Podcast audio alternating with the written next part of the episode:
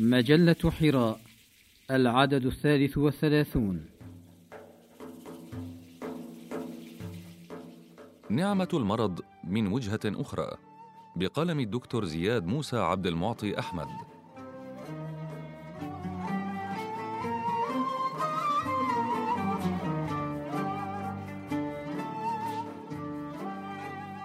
يقول رسول الله صلى الله عليه وسلم ما يصيب المسلم من نصب ولا وصب ولا هم ولا حزن لا أذى ولا غم.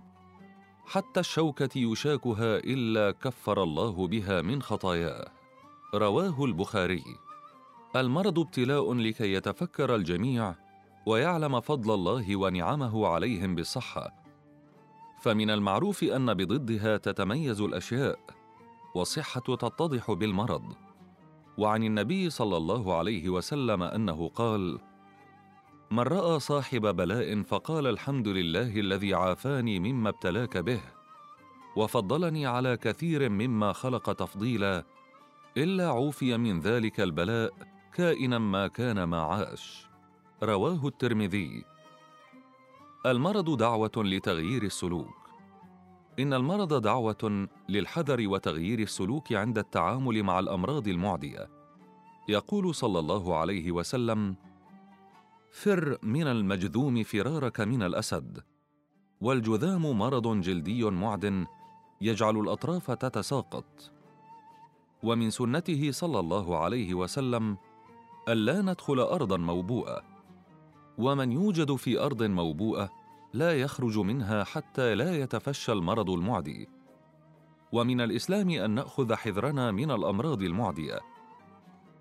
يا أيها الذين آمنوا خذوا حذركم. فمن الحكمة الحذر من الأمراض المعدية بلا تهوين أو تهويل. وكذلك المرض دعوة إلى السلام ونبذ الحروب. فالتشوهات والأمراض الوراثية التي نتجت عن استخدام القنابل الذرية في الحرب العالمية الثانية في مدينتي هيروشيما وناغازاكي اليابانيتين والتي لا يزال سكان المدينتين يعانون منها حتى الآن هي أكبر رادع منع دول العالم من استخدام هذه القنابل في الحروب حتى يومنا هذا. فهذه التشوهات والأمراض الوراثية تحمي العالم من أسلحة الدمار الشامل وتدعو العالم للسلام والعيش في أمان. وكذلك المرض دعوة إلى العدل. وقد يجعل بعض الناس يراجعون أنفسهم ويزنونها كما يجعل بعض العلاقات الاجتماعية تعود إلى مجاريها. فزيارة الأهل والأصدقاء للمرضى قد تعيد بعض المحبة والود بين الناس. وبالتالي فإن زيارة المريض يأخذ المسلم عليها الثواب من الله والأجر. ففي الحديث القدسي أن الله عز وجل يقول لابن آدم مرضت فلم تعدني. قال يا رب كيف أعودك وأنت رب العالمين؟ قال أما علمت أن عبدي فلانا مرض فلم تعده ولو عدته لوجدتني عنده. رواه مسلم. ومن السنة النبوية أن يقول للمريض عند زيارته طهور إن شاء الله ثم يعود له لا بأس. اللهم رب الناس أذهب البأس. اشف أنت الشافي لا شفاء إلا شفاؤك شفاء لا يغادر سقما. رواه البخاري.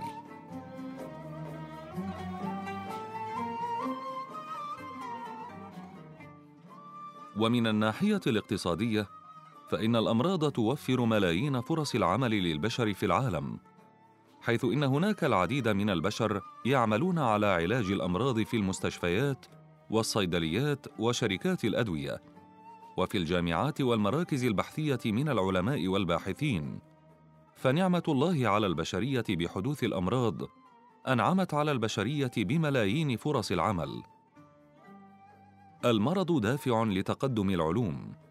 حرص الإنسان على علاج الأمراض له الفضل في التقدم العلمي. فالأمراض هي سبب اكتشاف الميكروبات وسبب الاهتمام بعلم الميكروبولوجي علم الكائنات الدقيقة. والأمراض دافع لتقدم عدد آخر من العلوم الأخرى التي لها الفضل في تقدم البشرية في نواح صناعية وإنتاجية أخرى. فالتقدم في علم الميكروبولوجي خدم البشرية ليس في شفاء الأمراض البشرية فحسب بل في علاج أمراض النباتات والحيوانات في نواح إنتاجية أخرى حيث تستخدم الميكروبات في إنتاج مواد أخرى في الصناعة والزراعة. كذلك تطور الميكروسكوبات وأجهزة التحاليل وغير ذلك مما يستخدم في علاج الأمراض فهو يستخدم في فروع علمية أخرى أدت إلى التقدم والرقي للبشرية. والخوف من المرض رادع أقوى من أي قانون وقد يكون عقابا ربانيا للمجرمين والعاصين. فمثلا الخوف من الأمراض التناسلية مثل الزهري والسيلان وكذلك مرض الإيدز يجعل الكثيرين يرتدعون ويمتنعون عن العلاقات المحرمة أكثر من خوفهم من القانون. ومن ثم فقد جعل الله الأمراض التناسلية رادعا وعقابا سماويا لمن يفكر أو يفعل الفاحشة. كما أن الخوف من الأمراض يدعو إلى النظافة الشخصية مثل نظافة الأسنان خوفا من تسوس الأسنان ونظافة الأبدان خوفا من الأمراض الجلدية ودعوة للنظافة العامة مثل الحفاظ على البيئة من التلوث. والخوف من الأمراض دعوة للاجتهاد في العمل حيث يجعل من يجد ويجتهد يجد ثمار عمله نجاحا وفرحة واموالا.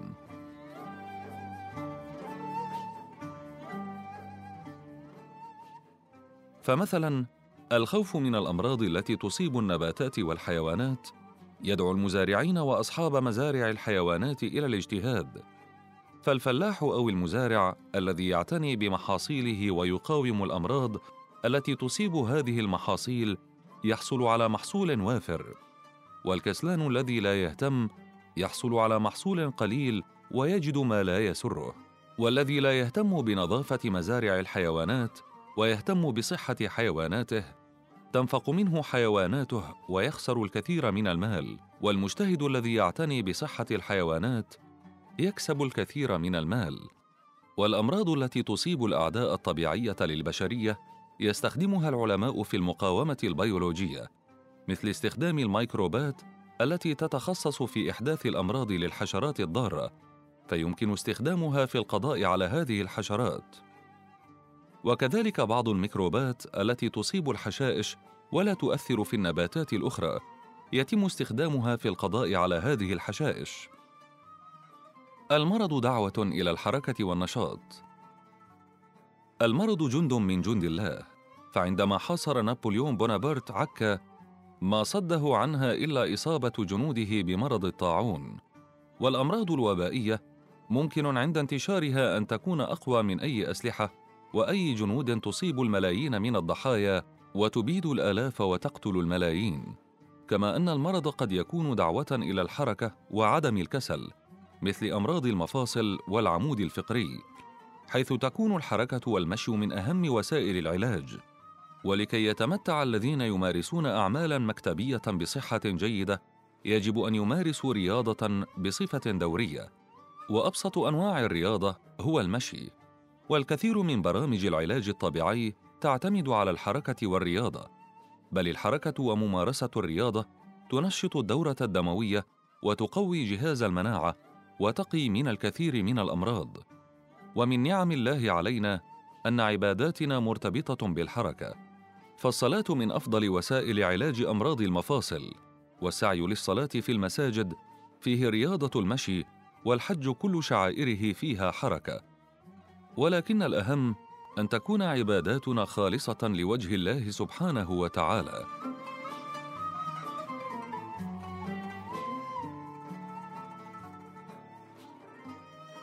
المرض قد يجعل الكثير من الأغنياء يشعرون بالفقراء وحرمانهم ومعاناتهم فكثير من الأمراض تجعل الأطباء يحذرون المرضى من تناول أصناف معينة من الطعام. ويمنع الأطباء المرضى من تناول ما يشتهون من أطعمة خشية حدوث مضاعفات لهم نتيجة تناول هذه الأطعمة. وقد يتذكر الأغنياء من هذه الفئة من المرضى وعدم قدرتهم على تناول ما يشتهون من أطعمة بل وشراء حاجاتهم الأساسية نتيجة الفقر وليس المرض. فينفقون الأموال على الفقراء ويتصدقون بها لوجه الله سبحانه وتعالى لعله يشفيهم. وفي ذلك يقول رسول الله صلى الله عليه وسلم داووا مرضاكم بالصدقات. رواه الطبراني. فما تنفقونه من الصدقات ابتغاء وجه الله يوفى إليكم في صحتكم وفي أشياء كثيرة. فاعتبروا ما أنفقتم من صدقات ثمن دواء أو علاج وثقوا أن الله يدفع به عنكم البلاء. المرض دعوة للتواضع. المرض دعوة للتواضع وعدم التكبر وعدم الغرور لمن يملك قوة بدنية أو علما أو سلطة أو جاها. فأقوى الأقوياء إذا أصابه حادث أو حمى يصبح لا حول له ولا قوة. وأذكى الأذكياء وأعلم العلماء قد يصيبه مرض الزهايمر فلا يتذكر حتى اسمه ولا تنفعه ذاكرته ولا ذكاؤه. يروى أن أحد الحكماء سأل أحد الملوك ماذا لو منع عنك الماء وكانت حياتك مرتبطة بشربة ماء؟ فقال الملك أشتريها بنصف ملكي. قال الحكيم ماذا لو مرضت ولم تستطع أن تتبول وحبس في جسمك البول؟ فقال الملك أشتري العلاج ولو بنصف ملكي.